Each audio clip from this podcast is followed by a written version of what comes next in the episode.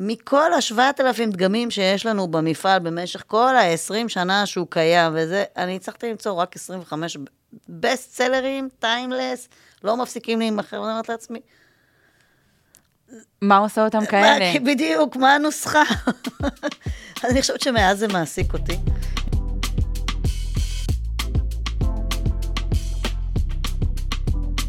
ברוכים הבאים לפודקאסט כל הלב. אני רותם מיכאלי ואני מארחת אנשי לב, אומנים, יוצרים, שותפים לדרך, אנשים חשובים, אנשים מעניינים, אנשים שיכולים לתת ערך לי ולאחרים. היום בפרק אני מארחת את גיליאן גולן. גילי היא יזמית, יועצת עסקית, מרצה ומעצבת במקור. גילי פיתחה שיטה שנקראת מודל תפיסת הערך, שמחברת בין האקדמיה לעולם האמיתי. זה בסדר שאמרתי גילי? בטח. היי גילי. היי, איזה כיף לי. איזה כיף לי שהסכמת לבוא. אני אתחיל ואספר שלפני שנתיים פתחתי את העמוד אינסטגרם שלי, של הלבבות, אינסטוש לב, ומהר מאוד, מהרגע שפתחתי אותו, אה, לרגע שנחשפתי לשם שלך בפעם הראשונה, אה, גיליאן גולן, את צריכה לראות, מרצה בשנקר לקורס לבבות, במחלקה לצורפות, לעיצוב תכשיטים קוראים לזה? כן, מחלקה לעיצוב תכשיטים. בשנקר. חשוב. נכון, כי בבצלאל זה צורפות ואופנה. חשבתי על זה ואמרתי, וואי, את ממש עושה בעצם את החלום שלי. זאת אומרת, אם תגידי לי, מה את רוצה לעשות עוד אה, עשר אה, שנים? מה את רוצה לעשות עוד עשרים שנה? הייתי רוצה להיות מי שמעבירה את הקורס של, אה, של קורס לבבות ב, בשנקר או בבצלאל. זאת אומרת שאת רוצה שהסטודנטים ישנאו אותך. אז בואי תספרי לנו מה עושים שם. אז קודם כל, זה מאוד מחמיא לי שהגעת דרך הקורס. אה, ודרך אה, סטודנטיות שעברו דרכו והפנו את תשומת ליבך. האמת היא שזה קורס שאני כבר עושה 25 שנים, 24-25 שנים, מאז שהמחלקה הוקמה. העברתי אותו, האמת, כל, בשנים הראשונות, כל פעם ככה עם אה, עוד מרצה, וזה נבנה עם הזמן, אבל בתכלס זה אותו קורס. זה די מדהים, כי כשהקמתי את הקורס הזה בהתחלה, הוא, הוא בא כ, כנושא מתריס. איזה סטודנט לאומנות רוצה להתחיל לעצב לבבות? אז, אז בואו נתחיל מאיך הגעתי לעשות קורס מתריס, ואיך הגענו למצב שאת רוצה לעשות uh, קורס מתריס היום, uh, שזה גם עניין של uh, תקופה, ביחס ללפני 25 שנה כשהתחלתי. גם התפיסה של מעצבים שיוצאים מהאקדמיות היא שונה אז והיום. ואני, כמו שאת אמרת קודם, אני בוגרת בצלאל, במחלקה לעיצוב תכשיטים, אז היא הייתה עיצוב תכשיטים בלי אופנה. גם לא היה שום מקום אחר ללמוד בזמנו, ואני אה, במקרה, ככה, בת למשפחה של אה, תכשיטים, של צורפים, אבא שלי אה, צורף בעצמו, אומן. כל החיים שלי גדלתי בעצם בתוך התעשייה עצמה, הוא התחיל כאומן, אחר כך עבר לתעשייה, זה בסופו של דבר גולן מלאכת מחשבת היה המפעל הכי גדול בארץ לתכשיטי זהב, ואחר כך זהב עם יהלומים. וכשסיימתי ללמוד בבצלאל, ככה, כמו אצל האיטלקים, שכולם חייבים להישאר במשפחה ולעזור.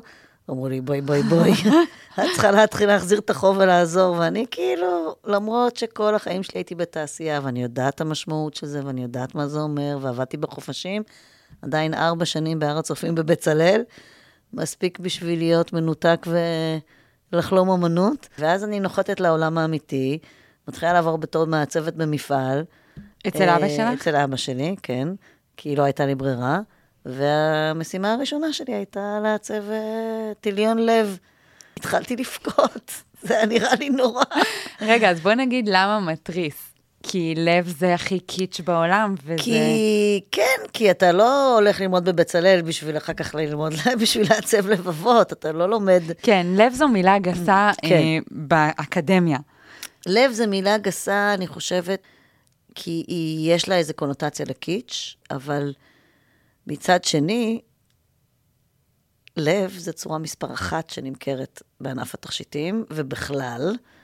זאת אומרת, אתה, אנשים לא מבינים בעצם שאתה תעצב לב חדש, ויש לזה גם תקדימים בהיסטור, בהיסטוריה של התכשיטים. כן, אליסה פרלי בשנות ה-50 עיצבה לטיפאני את הלב העקום על הצד, שהוא שמן במקומות הלא נכונים, הוא ככה קצת הפוך מבחינה פיסולית, והיא עשתה עליו מיליונים. טיפאני עשו עליו מיליונים, היא מוכרת בזכות הלב הזה.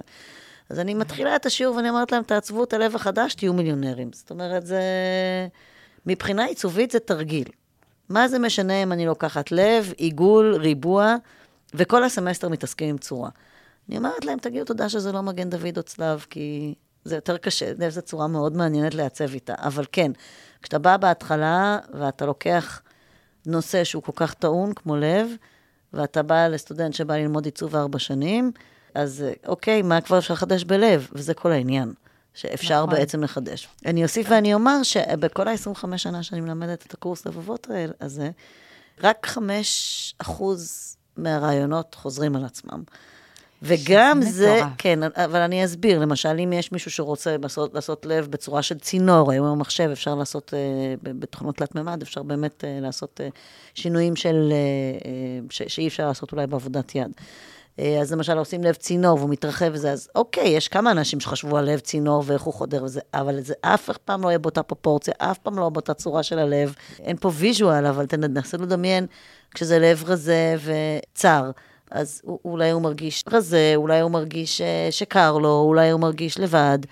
אה, ואם זה ככה לב מאוד מאוד מאוד שמן, או שאיזו פאה אחת שלו למעלה קצת מתנפחת או זה, זאת אומרת, הרעיון, אה, או בוא נגיד החינוך שאני מנסה להעביר, העיצובי דרך הקורס, הוא איך לא לקחת את הלב כמשהו מובן מאליו, או כל צורה, לצורך העניין גם אם זה היה עיגול.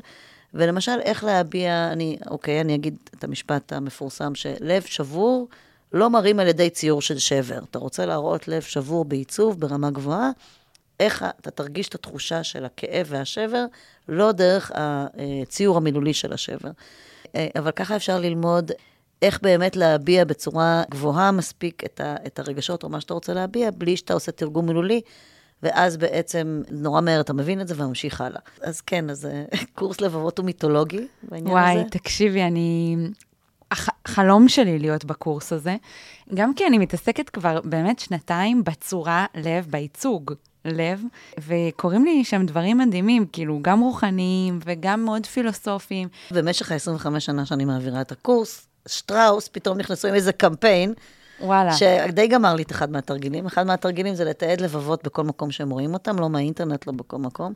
ואז שטראוס נכנסו עם תרגיל דומה לקהל הרחב, שישלחו להם לבבות. וואלה. ואז איפה זה אמרתי, מה זאת אומרת, הם עושים מהתרגיל שלי תרגיל קיץ', עכשיו הם מורידים לו את הרמה. פתאום יש באינטרנט מלא לבבות כאלה, לא, את יודעת. אז גם אני עושה את זה. אז גם אני גונבת לך. אז בכל מקרה, מה שבאתי להגיד על, ה- על הלבבות זה שזה רחב ומעניין, ושמאוד התביישתי בהתחלה אה, להעיז לפתוח את העמוד הזה, ו- ואז גם ללכת אחרי התשוקה הזאת שלי של, של הלבבות. ו- ואת יודעת, משהו קרה לפני שבועיים בערך, אחד המרצים שלי בבצלאל, שיתפתי אותו שאני, יש לי עמוד אינסטגרם של, על הלב, בעקבות איזה משהו שעשינו ביחד, ו... והוא אמר לי, אה, רותם, אני יכול לגלות לך משהו? הוא שולח לי בהודעה, אני גם אוסף לבבות כבר הרבה שנים, אבל רק כאלה מיוחדים, ואז הוא שלח לי סריה של תמונות של אה, לבבות. ואז, את יודעת, הייתה לי מין נחת רוח, כאילו קיבלתי אישור שמה שאני עושה... את רוצה, אני אחתום לך פה, פה ופה. אני רוצה שתחתמי לי. אז את יודעת מה, אני רוצה לשאול אותך, אה, מה הקשר שלך ללב, לצורה, או מה את מרגישה כלפי הצורה הזאת? אז ככה, אז באמת, בגלל שאני גם רואה איך אנשים מתנסים איתה כבר 25 שנה, ומה הם עושים, אז עוד פעם, החוויה האישית שלי, ברגע הראשון שאני הייתי צריכה לעשות אותה, זה שנורא התעצבנתי.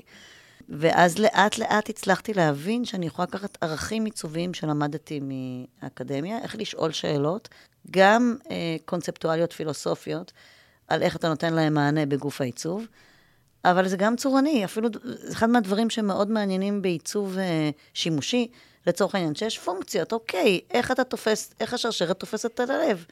זה מקום לפתח אותו. אז אתה יכול להשתמש גם בצורה של הלב, וגם בצורה שאתה צריך לתפוס ולעשות משהו מעניין שם. אז ברגע שאתה שואל את השאלות הפונקציונליות, אז אתה מאתגר את עצמך בצורה. ומהרגע שלמדתי שאני יכולה לאתגר כל מיני דברים קטנים, דב זה רק דוגמה אחת לתוך הדבר הזה, אה, אז התחלתי לעשות עם זה שלום. הכי, אני חושבת שמה שהכי מעניין בשטיפת מוח הזאת, של, אה, של סטודנטים שמקבלים משהו מתריס, זה שבהתחלה הם ככה הם לא ממש מתחברים, אבל הם עוברים כזאת שטיפת מוח, שאחרי שלוש, שלוש, ארבע שיעורים, הם כבר שוכחים שזה לב. הם ממש ממש מתחילים לעצב, הם, הם נכנסים, לת... הם ממש נכנסים לתוך הצורה, הם כבר שכחו שזה משהו מעצבן, הם מגלים את כל הפוטנציאל, ועוד פעם, זו צורה יחסית נעימה, יש לה קצוות, שפיצים, יש לה דברים עגולים, ואפשר באמת באמת לקחת ולעשות איתה, ואני מדברת, בקורס שלי זה רק מתכת, כן? לפעמים יש לי אנשים ממדיות אחרות, שהם חילופי סטודנטים, או מישהו מאופנה או מטקסטיל, שבא ועושה את הקורס הזה, אני עושה לו תרגילים מיוחדים. תחשבי שרק במתכת יש כל כך הרבה אופציות. וואו. רציתי לשאול אותך, מה התגלית הכי גדולה בעינייך שקשורה לצורה לב? אז אני חושבת שגם היחס שלי ללב עם השנים השתנה, לא רק בגלל שכשהייתי בוגרת טריה ונכנסתי זה עצבן אותי, אלא גם כל ההוראה מאוד משתנה עם השנים, כן? אה, ברגע שיש לך ילדים, אתה, מתחיל, אני של, שלוש שנים מבוגרת מהם, היום אני כבר, אתה יכולה להיות אימא שלהם. הם נשארים באותו גיל ואני כל הזמן, המרחק אה, גדל. ועם השנים גם נולדו לי הילדות, והתחלתי להסתכל, עקבתי אחרי הציורים שלהם במשך השנים, ואחד מהדברים הכי מדהימים שגיליתי, זה שהם התחילו לצייר את הצורה לב, בלי שהם ידעו שזה לב. זאת אומרת, זה משהו שהתחיל לצאת מתחת, בתוך הציורים. בכלל מסתבר שילדים uh, מציירים uh, בכל העולם אותו דבר, בלי לדעת מה הם מציירים. רק אנחנו נותנים להם את השיוך, זה בית, זה גג, אבל הם, הם כל הילדים בכל העולם, לא משנה איפה הם נולדים, עברתי קורס כזה בבצלאל, יש להם את אותה התפתחות הציורית. עד שבאמת מבוגרים מקלקלים להם את זה, ואומרים להם, נותנים לזה שייכות, אבל הם לא יודעים שהם מציירים ריבוע, והם לא יודעים שהם מציירים גג, או גדר, או דשא. הם פשוט מציירים. והקשקושים האלה לאט לאט הופכים לצורות, ולב זה היה אחת מהצורות שהם התחילו לצייר, בלי שמישהו אמר להם זה לב. אני עמומה. כן, מעניין. איך הגבת לזה? אני מבחינתי זה ממש מצוין בשביל הקורס. עם השנים הם גם התחילו להמציא לי כל מיני לבבות, כל מיני חתימות של לבבות. ומה השתנה בהוראה שלך? אה, בעיקר נהייתי קצת יותר נחמדה. קצת יותר רכה, כן. כן. קצת יותר רכה. אני נחשבת למרצה קשוחה, למרות שהיו צוחקים עליהם על יד קשוחה, אבל אני פשוט, אני פשוט אומרת מה שאני חושבת, ויש לי הרבה דרישות. אז, אה, אבל כן, אני חושבת שעם ההורות וה, והגיל אתה מתרכך ואתה... נהיה יותר לב אולי, כן. יותר גמיש. כן, יותר נושם. אני יודעת שברגע ששחררתי את הנוקשות, ואת יודעת, כל אחד והסרטים שלו והשכבות הגנה שלו, באמת יצא לי הלב. אני חושבת שכל מה שאני עושה מגיע מאהבה, אחרת אני לא הייתי מסוגלת לעשות את זה. בטח ובטח הוראה. זה לא משהו שאתה יכול לעשות אם אתה לא פשוט מת על זה. זה בא עם הרבה אהבה. הרבה רצון לתת, הרבה רצון לחנך. לפעמים זה בא בדרך קצת אה, דורשנית, אבל גם ככה משיגים תוצאות. אני עושה מה שעשו לי. מי שדרש קיבל, אז אני דורשת. אני יודעת שחוץ מזה שאת אה, מרצה בשנקר, אה, מרצה לכל מיני קורסים, דרך אגב, לא רק את הקורס לבבות, נכון? כן. אז את גם... אה, מרצה לחיים האמיתיים, לכל מה שקשור לדברים שאתה צריך בחוץ. שזה מדהים, דרך אגב. גם, שוב, אני כל פעם עוברת מהכובע של סטודנטית למי שמדברת איתך עכשיו, אבל אני יודעת שאת יועצת עסקית, נכון? כן. ואת פיתחת שיטה שנקראת מודל תפיסת הערך, ואני רוצה שתספרי לנו על השיטה הזאת. אז אני, אני אספר איך הגעתי אליה, אוקיי? אולי אני אתחיל uh, מאותו מקום uh, בוגרת שנכנסת בשנות ה-20 שלה לתוך תעשייה, ובעצם לעולם, uh, לעולם האמיתי. זאת אומרת, מפעל, 150 עובדי ייצור, uh, מכירה בכל העולם, שבע תערוכות בשנה, הייתי צריכה להוציא 150 דגמים כל שלושה חודשים. וככה לאט לאט נהייתי אחראית על שלוש מחלקות פיתוח. ראיתי שבעצם גם צריך לייצר המון המון המון המון דגמים חדשים כל הזמן, דברים חדשים, ומצד שני, כמה הופכים באמת לבסט סלרס. ואני זוכרת שפעם אחת הייתי צריכה להכין uh, קולקציה קטנה של דוגמאות לחברת בנטון, הייתה לנו פגישה איתם באיטליה, והייתי צריכה ככה להכין איזה כמה רולים של uh, תכשיטים, ואני עוברת על כל הדברים, את כל הדגמים וכל מה ש... ואני אומרת, מכל השבעת אלפים דגמים שיש לנו במפעל במשך כל ה-20 שנה שהוא קיים, וזה, אני הצלחתי למצוא רק 25 בסט סלרים, טיימלס, לא מפסיקים להימכר, ואני אומרת לעצמי, מה עושה אותם כאלה? בדיוק, מה הנוסחה? אז אני חושבת שמאז זה מעסיק אותי. רגע, ובאיזה גיל זה היה? אה, אני חושבת שזה היה בגיל 24, 25, 6, 26, 7. קצת לפני שהתחלתי ללמד. צעיר, וזה היה, ורק אני אגיד בכוכבית שזה היה במפעל של אבא שלך. כן, זה היה במפעל, אה, אה, כן, שנגיע תכף לזה שאני בעצם היום עצמאית, ויש לי אה, אה, ייעוץ עסקי, אה, איך לעשות כסף מיצירה, זה בעצם מה שאני עושה, ולא משנה מה אתה עושה, אבל עדיין זה מתחיל בזה שבעצם נחשפתי לשיווק. הייתי בשיווק והייתי אחראית על הפיתוח, וידעתי, כל הזמן נחשפתי למה לקוחות רוצים. אה, הייתי יכולה לנסוע בארצות הברית, בקליפורניה, ויש לה כוח עם טעם יותר מינימליסטי, ובדאלאס משהו הרבה יותר אה, זה, ובאירופה זה ריבועים, ובארצות הברית זה עיגולים, וביפן זה הכל יותר קטן. ואני הייתי צריכה להוציא לכל המקומות האלה קולקציות חדשות כל הזמן. ובעצם זה שאני הייתי כל הזמן בשיווק, אז ידעתי מה הקניינים מחפשים, אבל בעיקר ידעתי באיזה מחיר הם מחפשים. זאת אומרת, אנחנו היינו עושים סקיצות של לבבות, דרך אגב, בין השאר, אבל אז הזהב היה נורא נמוך, אז ידעתי שהתכשיט צריך להימכר ב-99 דולר. זאת אומרת שאני לא יכולה להוציא תכשיט מהמפעל ביותר מ-33 דולר, כי זה לא ייכנס לפרייס פוינט. ואז היינו עושים ציורים ומתמחרים, ומה שלא היה נכנס, לא היינו מייצרים, מה הטעם? אז כל הקטע זה לייצר אה, אה, בכמה ש...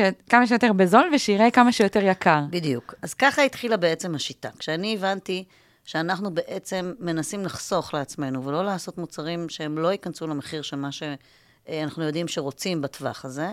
ככה התחלתי בעצם להבין שאתה צריך לקחת את הלמעלה ואת הלמטה ואת הקריאיטיביות בעיצוב. זאת אומרת, וזו גם הצורה שאני מרצה. גבולות זה דבר נורא נורא חשוב והכרחי בעיצוב, בטח ובטח כשאתה צריך להיכנס ל... ומבחינתי הגבול הוא המחיר.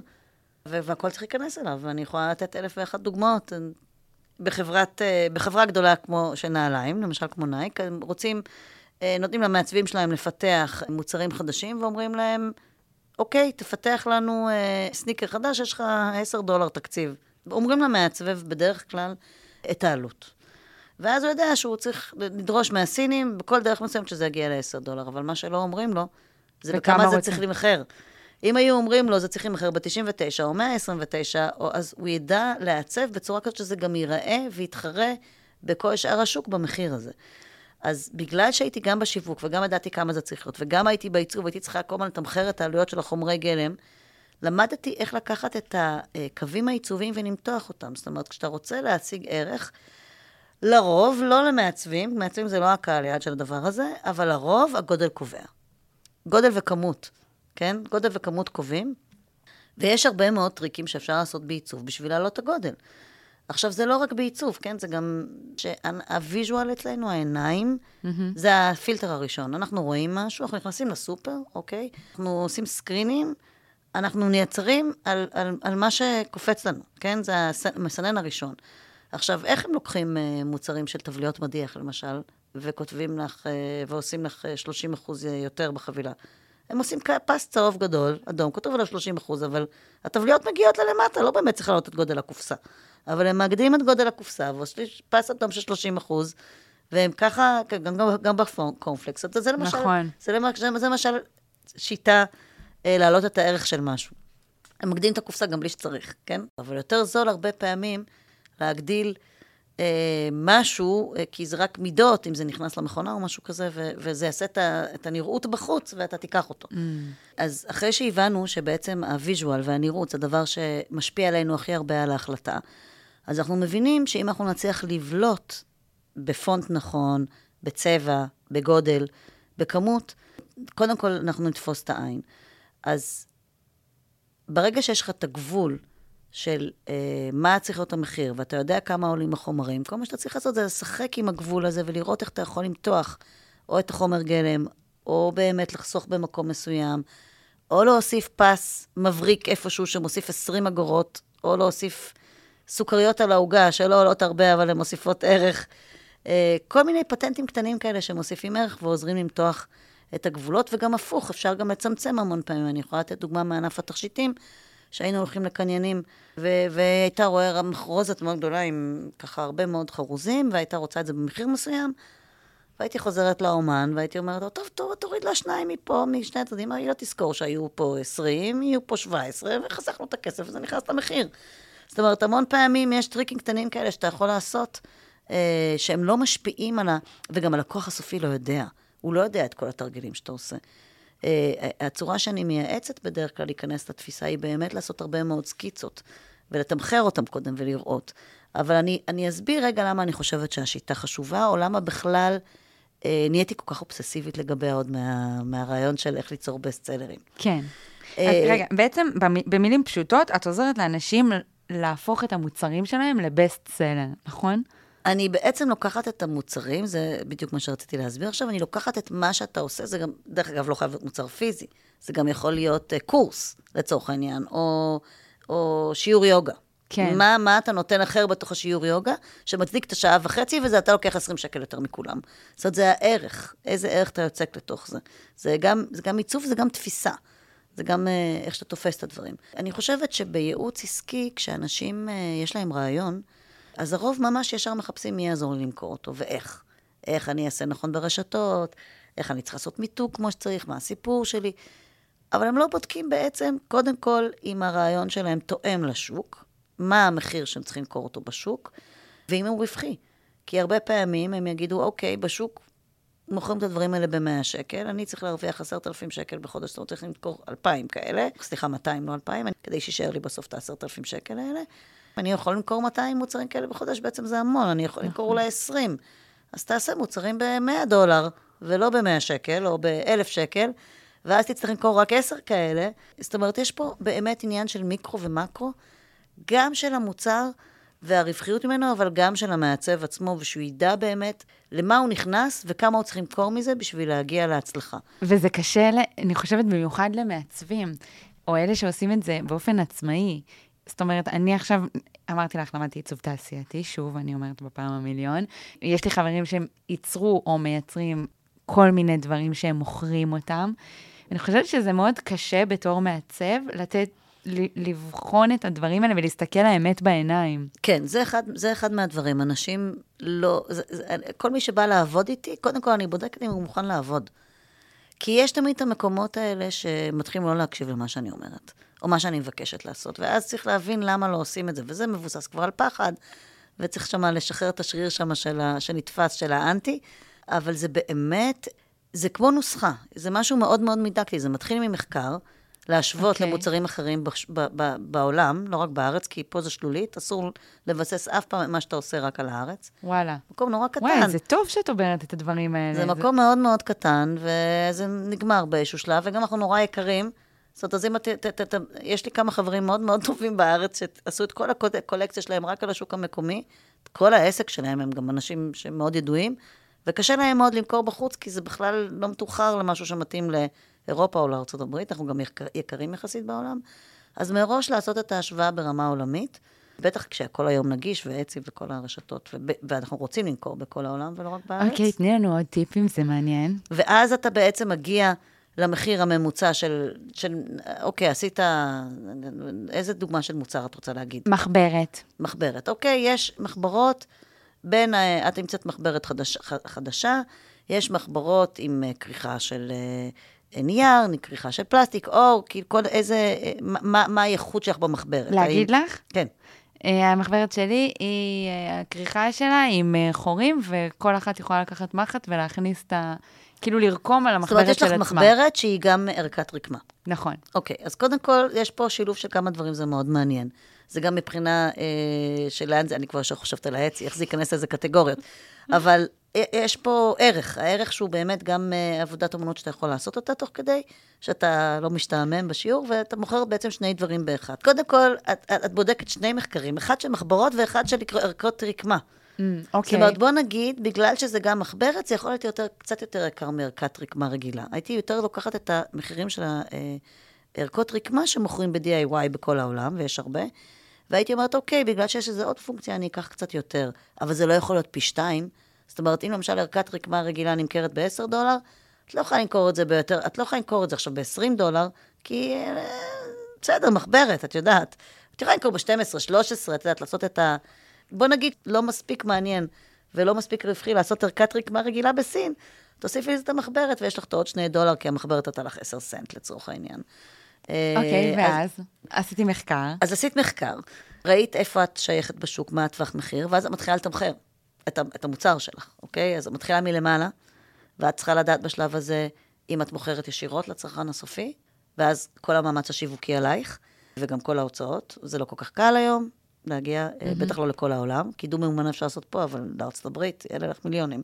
ואם את רוצה דרך אחרים, נוספים, אז איזה עמלות הם לוקחים? אומרת, האם הם מכפילים כפול שתיים, הם לוקחים 30 אחוז. כלומר, הם... חנויות, או כל מיני כאלה, אסופה, זה מוזיאון. לא רק חנויות, חנויות אפילו זה אפילו די כבר, את יודעת, חנויות זה רק בשביל הייצוג. אני גם לא קונסיגנציה, אני לא ממליצה על קונסיגנציה, רק אולי לאיזה מקום אחד או שתיים שבשביל השם. אז התמחור הוא שלב מאוד מאוד חשוב, ואתה חייב להבין בשלב הזה גם אם אתה צריך uh, לתת עמלה למישהו בדרך. אני, אני ממליצה להחשיב כן, לפחות, כי זה פותח עוד אופציות. מישהו בהונג קונג ייקח, מישהו באירופה, איזה אתר יפרסם, הוא גם ייקח על זה את האחוזים שלו. ואז אתה בעצם מגיע לעלות, לעלות הבסיסית של, אה, עם זה אתה צריך ללכת לעשות את הערכה הזאת של ה... גם לקנות את המחברת וגם לעשות את הערכה וגם לעבוד עם המפעל. ויש לי תקציב של את... שלוש דולר לתוך זה, אם זה לא נכנס לשלוש דולר, או שאת לא עושה, או שאת מכניסה חוטי זהב שיצדיקו עוד שתי דולר. הרבה פעמים הרבה יותר כדאי להגדיל את זה ולהפוך את זה לכרית. ואולי לא למחברת, ואז זה כן שווה את ה-15 דולר ולא את ה-10 דולר שאת לא נכנסת אליהם. אבל שני, זה בסוף ממש מתמטיקה, זה ממש אה, נוסחה. עכשיו, הקטע המדהים בתוך השיטה, זה באמת הקטע שאני הכי אוהבת. לוקח הרבה זמן לחנך אנשים, ושבאמת יעשו את כל המבחר, ויביאו את כל הסקיצות של אותו אחד. אני לא צריכה להיות שם אפילו. פורסים את הכל, ואלה שהם הם, הם הטובים, והם במחיר הנכון, כולם מסכימים. אתה עושה ועידה, תעשי קבוצת מיקוד, כולם יחשבו, כי זה שילוב של עיצוב טוב, שמתאים בדיוק לזה, ושל הערך והגודל. זה כבר שלב וואי, שאפילו לא צריך אותי. נגיד עכשיו אני באמת אה, רוצה לפנות אלייך או להיעזר בך. אני באמת רוצה עכשיו לפתח מחברת שיקנו אותה ב- בכל העולם. אז קודם כל אני מקבלת, יש לי משרד, אני מקבלת במשרד. אני מייעצת גם למעצבים, או בכלל לאנשים יצירתיים, כי עוד פעם, כמו שהסברתי, יש יצירתיות אה, בכל כך הרבה תחומים, פסיכולוגים, אה, אוצרים, אה, כל מיני דברים, כן? ספר, זה אותו דבר. את יודעת mm-hmm. כמה הוא לוקח על תספורת, מה ה-added value שלו, מה הערך. וזה גם יותר קל, כי כשאתה לא צריך לעשות מוצר, ואתה רק צריך לבנות את הערך של התוכן, אתה לא צריך לחכות לכל ההצעות מחיר של כמה זה יעלה לך, ולהתחיל לעשות testing. אז את עושה ו... את זה גם לתוכן ולדברים כן, שהם יותר כן. אבסטרקטיים? כן, בטח. כי כמו שקצת סיפרתי לך קודם, אני, אחד מהדברים שהכי מאתגרים אותי זה לחבר בין מחלקות הפיתוח לשיווק, ושידברו את אותה שפה, ולתת למעצבים כמה שיותר אינפורמציה, כדי שיצליחו לדייק לשיווק. כשעשיתי את המחקר עלייך, אז קראתי משהו ש... שאת כתבת. Mm, אוקיי, אני, אני מקריאה. כל מעצב חייב להבין ולחיות את עולם השיווק, בין אם זה בעסק עצמאי או בתוך חברה גדולה. אה, את מזהה את זה? כן, זה כנראה מזמן. אבל כן, זה, זה באמת מתקשר למה שאמרתי, כי אם אתה לא מבין את הערכים השיווקיים, אתה נמצא בתוך בועה ואתה סתם עושה דברים יפים. אם אתה לא מבין את, את השוק שאתה מוכר אליו, ואת, לא רק את הנראות שהוא רוצה ואת הטעם שהוא רוצה, אלא גם את המחיר, אז אתה, בעצם אתה קלולס. נכון, הרבה פעמים מעצבים אומרים, אה, אני אעשה את הזה, אתה תדאג לשיווק. אז מה שאת אומרת זה... אין דבר כזה. כן. אין דבר כזה, כי השיווק... יבוא ויגיד לך, לא, לא נמכר, לא יודע למה. מאיפה הוא ידע למה?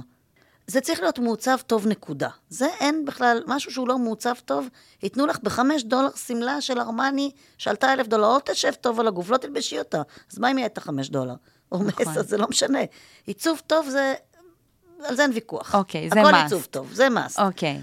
עכשיו, קחי עיצוב טוב, קחי המצאה, את יכולה להפוך כל המצאה ל-10 דולר או למיליון דולר. גם מיליון דולר זה שוק של מכוניות. אבל אם אתה רוצה לעשות משהו במיליון דולר, תבדוק מה הם קונים במיליון דולר, ותעצב משהו שיהיה באותו טווח מחיר, או תנסה לתת יותר ערך בשביל uh, שיצדיק את המיליון דולר.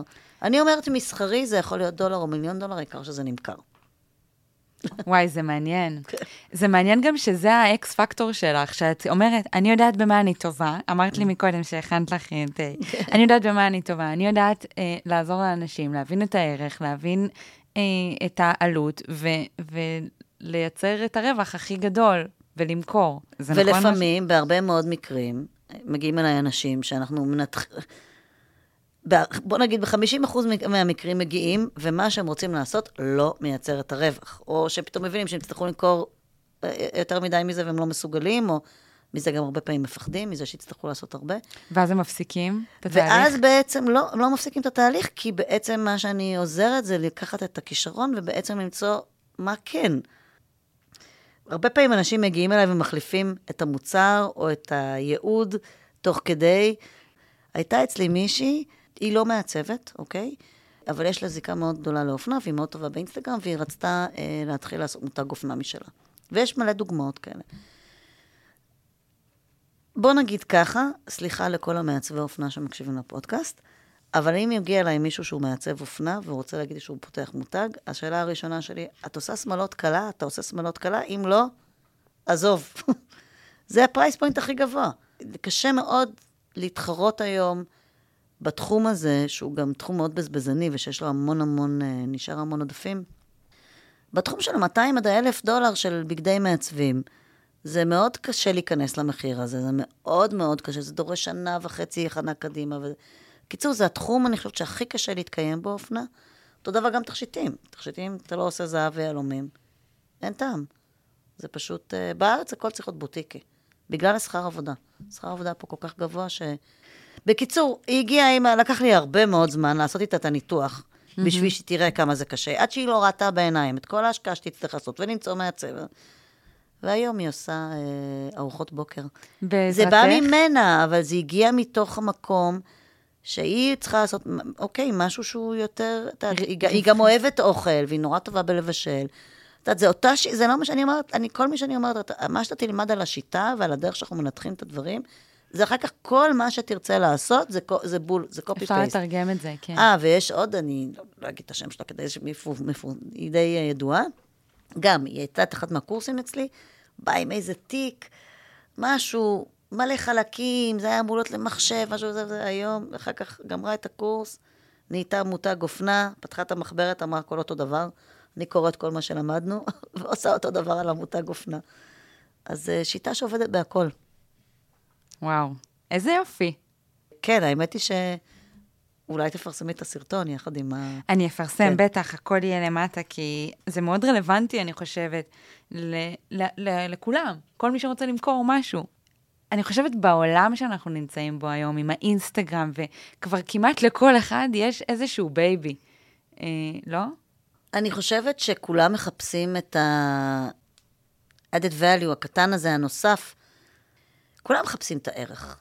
כן? של עצמם. עכשיו, מה שאני כל כך אוהבת בשיטה, וכתבתי עליה הרבה, זה שדרך, או לפחות בעבודה מולי, דרך זה שאת דואגת לערך הנכון של מה שאת מתקיימת ממנו, מתפרנסת ממנו, אוקיי? את מעצבת תעשייתית, עושה סיורים, מעצבת חזותית.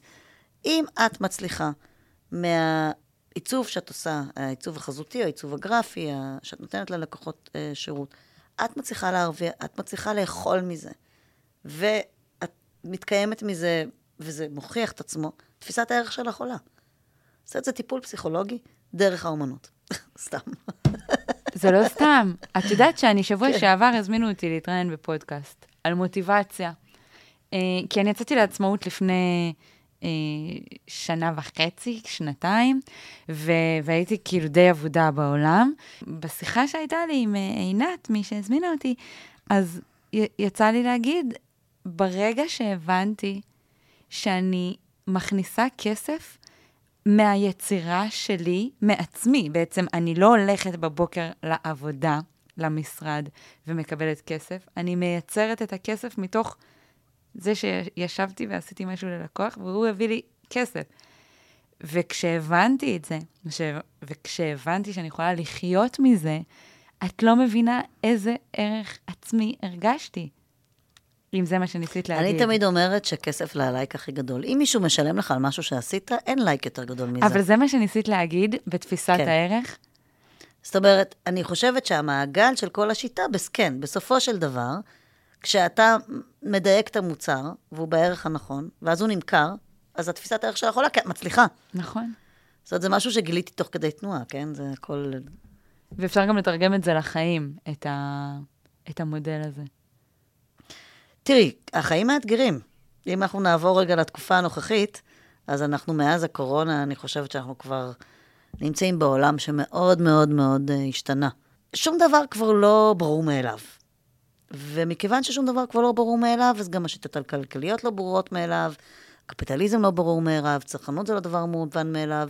אז קודם כל יש משהו במרכיב של השיטה שהוא חסכוני, הוא ירוק. Mm-hmm. כי אם אתה עושה את העבודה לפני, ואתה לא מוציא טונות מוצרים כל הזמן לשוק, אני... תחשבי כן. כמה... כמה מוצרים יש כמה בעולם סתם. כמה מוצרים יש בעולם סתם, שאף אחד לא קונה אותם, כי אולי לא עשו להם מספיק עבודה לפני וסתם הוציאו אותם. ודבר שני זה, אתה לא, אנחנו לא תמיד יודעים היום בצורה ודאית, מכיוון יודעת, מחר יכולים פתאום לסגור אותנו בסגר, או שפתאום מחר יכול לעוף איזה טיל, אנחנו כבר לא יודעים כלום, mm-hmm. לא רק פה, בכלל בעולם. ומכיוון שהדברים כל כך משתנים, אנחנו לא יודעים, אנחנו, אני חושבת שהגענו ל, ל, ל, לרגע שאנחנו כן, אוקיי, צריכים עבודה מסודרת מסוימת. אני בכלל חושבת שאני מאוד ממליצה על השילוב הזה, של בין לעבוד את יודעת, כמו שאני עובדת בשנקר ויש לי עסק עצמי, אני חושבת שזה שילוב מאוד נכון, בטח לאנשים יצירתיים, זאת אומרת שהם, יש להם איזה... עוגן. עוגן מסוים, ו... ונוסף לזה התנסות, כי אז הם לא לוקחים את כל הריסק על מקום אחד. גם מבחינת, דרך אגב, התנהלות מול מס הכנסה. זה... כן, זה עובד טוב. זה עובד טוב, זה מאוד מומלץ. וזה מאפשר, אה, אני חושבת, לנו להיות קצת פחות... by the book במה שצריך לעשות, ולהיות פתוחים לסיטואציות ש... ש... שבאות לנו ככה. קראתי באיזשהו מקום ש... שאת אמרת שאם אנחנו עושים משהו, הוא חייב להכניס כסף. אבל אז כשדיברתי איתך, הבנתי ממך ש... שזה לא מדויק. אז כן, אז עוד פעם, זה, אני כן מאמינה שאם אתה יוצר עכשיו עסק מסביב למשהו ספציפי, עושה עמוד מה שזה לא יהיה, אינטרנט, זה, כדאי מאוד שתבדוק שהדבר הזה עושה כסף. מצד שני, יש במסגרת ההתפתחות והחשק שלנו לעשות דברים, יש המון סיטואציות בהן שמזדמן לנו לעשות משהו שאין לו תג מחיר, לא מרוויחים עליו, הוא לגמרי, אה, לפעמים התנדבותי, אה, הוא לפעמים אה, מחקרי, הוא לפעמים פשוט הזדמנות שנוצרה שמציעים לך משהו. ואני חושבת שבזמנים שהיום, שהכל כל כך משתנה ולא ברור, אנחנו חייבים את הדבר הזה שיוציא אותנו קצת דווקא מה... by the book הזה.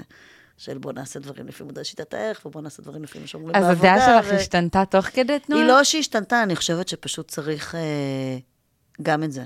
זה גם תלוי ברמת ההשקעה, כי אני תמיד אומרת להם, תראי, המעצבים שאני עובדת עם האומנים, או אנשים קריאיטיביים בכלל, בסופו של דבר מעדיפים לעוף. אז אני אומרת להם, אוקיי, 10 אחוז תעשו אמנות, מה שבא לכם, לא רווחי. תתנדב. אני, למשל, 10 אחוז, הייתה תקופה ש-10 אחוז מהזמן נתתי ייעוץ בחינם לנזקקים, לאנשים שלא היה להם יכולת, או... את יודעת, היה לי תמיד איזה מין מעשר כזה של איזה אחד בקורס שאין לו, אה, מישהו שככה... כן, זה, זה ברכה. כי הם היו מגיעים, ואז זה, זה, זה, זה כאילו, את יודעת, זה, זה, זה איכשהו... הרגשתי שזה מגיע.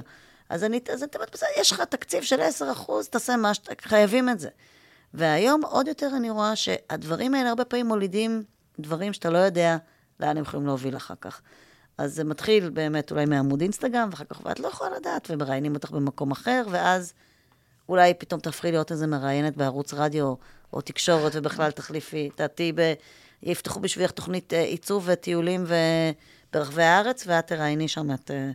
אי אפשר לדעת לאן הדברים מתגלגלים. איזה כיף. אז, אה, אז אני חושבת שזה כן מאוד מאוד חשוב, שאם נוצרות לך הזדמנויות, לא למדוד כל דבר בצורה כזאת, אבל אם אתה הולך להשקיע את מירב העסק שלך ולבנות על, בוא נגיד, אוזניות חדשות שאתה עכשיו עשית, כדאי מאוד שתבדוק את המחיר של האוזניות בחוץ, ולמה צריך עוד אוזניות בכלל, ומה הן נותנות אחר, ו... לפני שאתה רץ. לפני אה, שאתה רץ, כן. אה, לגבי מידת ההשקעה של דברים שאתה עושה ואתה לא מקבל עליהם כסף.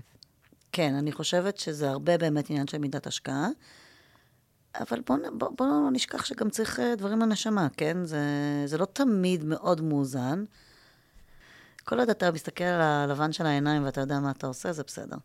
זה, זה, זה דורש אומץ.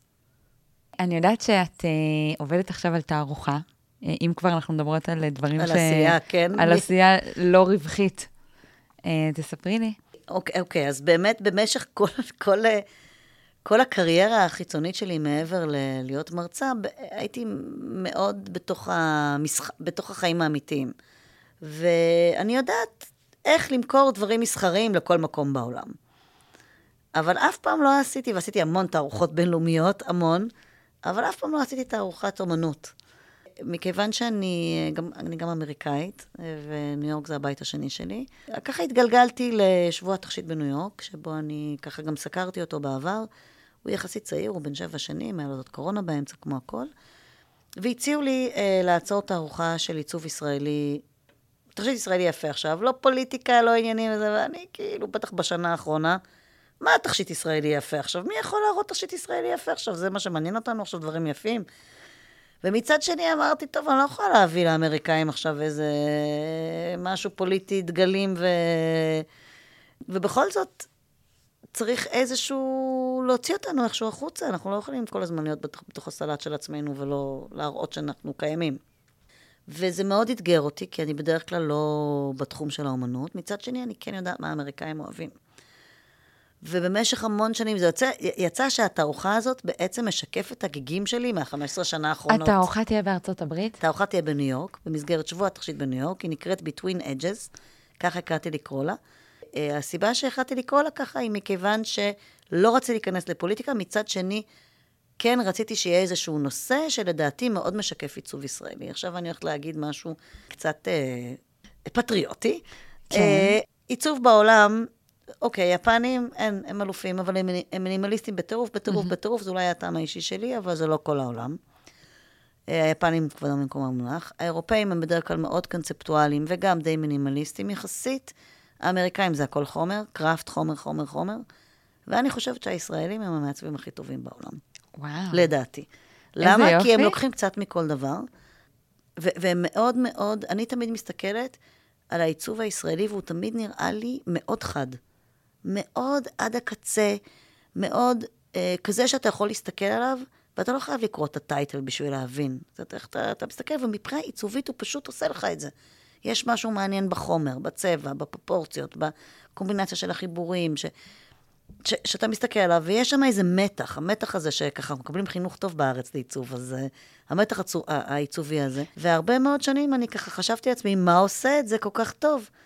ואחד מהמסקנות שלי היה זה שאני חושבת שבתת מודע שלנו, בגלל שאנחנו חיים בכזה מקום משוגע, שהכל שחור ולבן והכל כל כך על הקצה, קוראים לה תערוכה Between the Edges, והיא תהיה בנובמבר, אה, בשבוע התחילית בניו יורק, מ-13 נובמבר עד ה-20 ועד ה-20, היא תהיה פתוחה.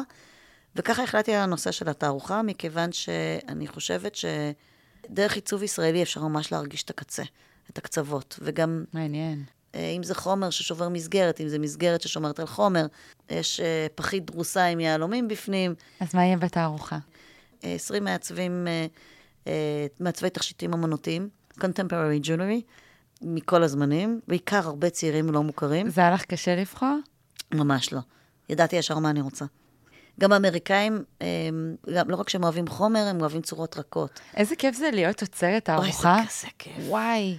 זה חלום, תקשיבי, לא אני מסתכלת עליך ואת כאילו הגשמת לי הרבה חלומות. גם לבבות, גם טוב. הם שלך, החלומות שלך, ואני כזה תולעת אותי. את יכולה, את יכולה. גם, את יודעת, אני גם מאוד, המודל הערך שפיתחת, השיטה הזאת, היכולת שלך לבוא ולעזור למישהו אחר להגשים את עצמו, זו יכולת על.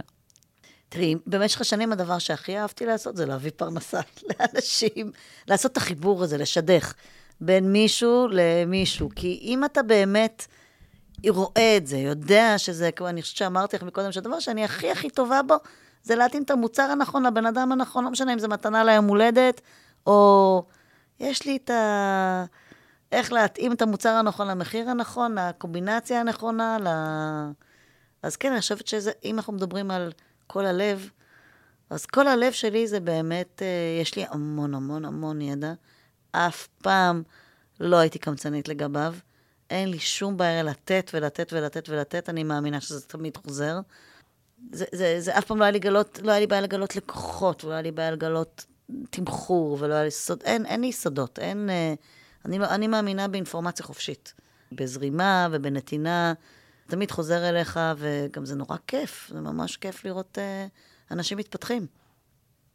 מישהי פעם אמרה לי, בקשר לזה, נכון, כאילו, את אומרת, ידע, אני רוצה לחלק אותו לכולם. כאילו, למה לי לשמור לעצמי? אני לא רוצה להיות קמצנית באלה שלי, אני רוצה לחלק אותו. והרבה פעמים אנחנו כאילו אולי שומרים לעצמנו, או הם מפחדים שאם, ש, שיגנבו לנו, או ייקחו לנו, או ש, שאנחנו באיזושהי תחרות.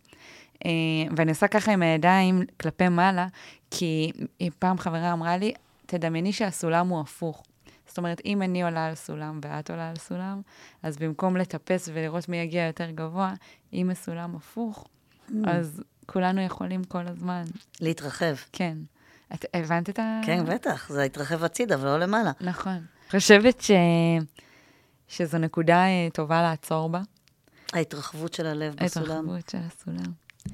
ואני רוצה לשאול אותך, מה בא לך להגיד לעולם אה, בכל הלב? אז מה שבא לי להגיד לעולם זה בנקודת הזמן הזאת, כן? מחר בבוקר לכי תדעי, אולי יבוא לי משהו אחר. אבל אני חושבת, או לפחות אני מרגישה, שהאותנטיות היא נורא נורא חשובה. אין כמו אותנטיות. והנתינה, לבוא לעולם באהבה ובנתינה ובאותנטיות, ולא לפחד להסתכל על הלבן של העיניים. כאילו, אני חושבת שאנשים שמוכנים להתמודד עם המציאות, בלי לספר לעצמם סיפורים ובלי לברוח, זה לעשות לעצמך טובה גדולה. אנשים שפוגשים אותי, אין להם ברירה אלא לשמוע את זה, אבל בגלל זה גם יש כאלה שמפחדים ממני. אה, אבל אם יש לי משהו להגיד, זה באמת באהבה, אבל עם המציאות. וואו. אז אני סקרנית מה תחשבי על הפרק הזה. זה יהיה מעניין. תודה, גילי. תודה לך. איזה כיף. היה כיף ממש. אז חברים יקרים, אני רוצה אה, להגיד תודה לגילי, לגיליאן גולן, ואני רוצה לבקש מכם שאם אהבתם את הפרק הזה, תעבירו אותו לאנשים שאתם אוהבים, שאתם חושבים שזה יכול לעזור להם, המידע ש... ש... שקיבלתם פה. וכמובן, אני אבקש שתעשו עוקב בספוטיפיי ותדרגו את הפודקאסט חמישה כוכבים, ושתכתבו אימייל ותגידו מה חשבתם, ותסתכלו לי בלבן של העיניים ולכם בלבן של העיניים. תודה רבה שהאזנתם. ביי ביי. תודה רבה.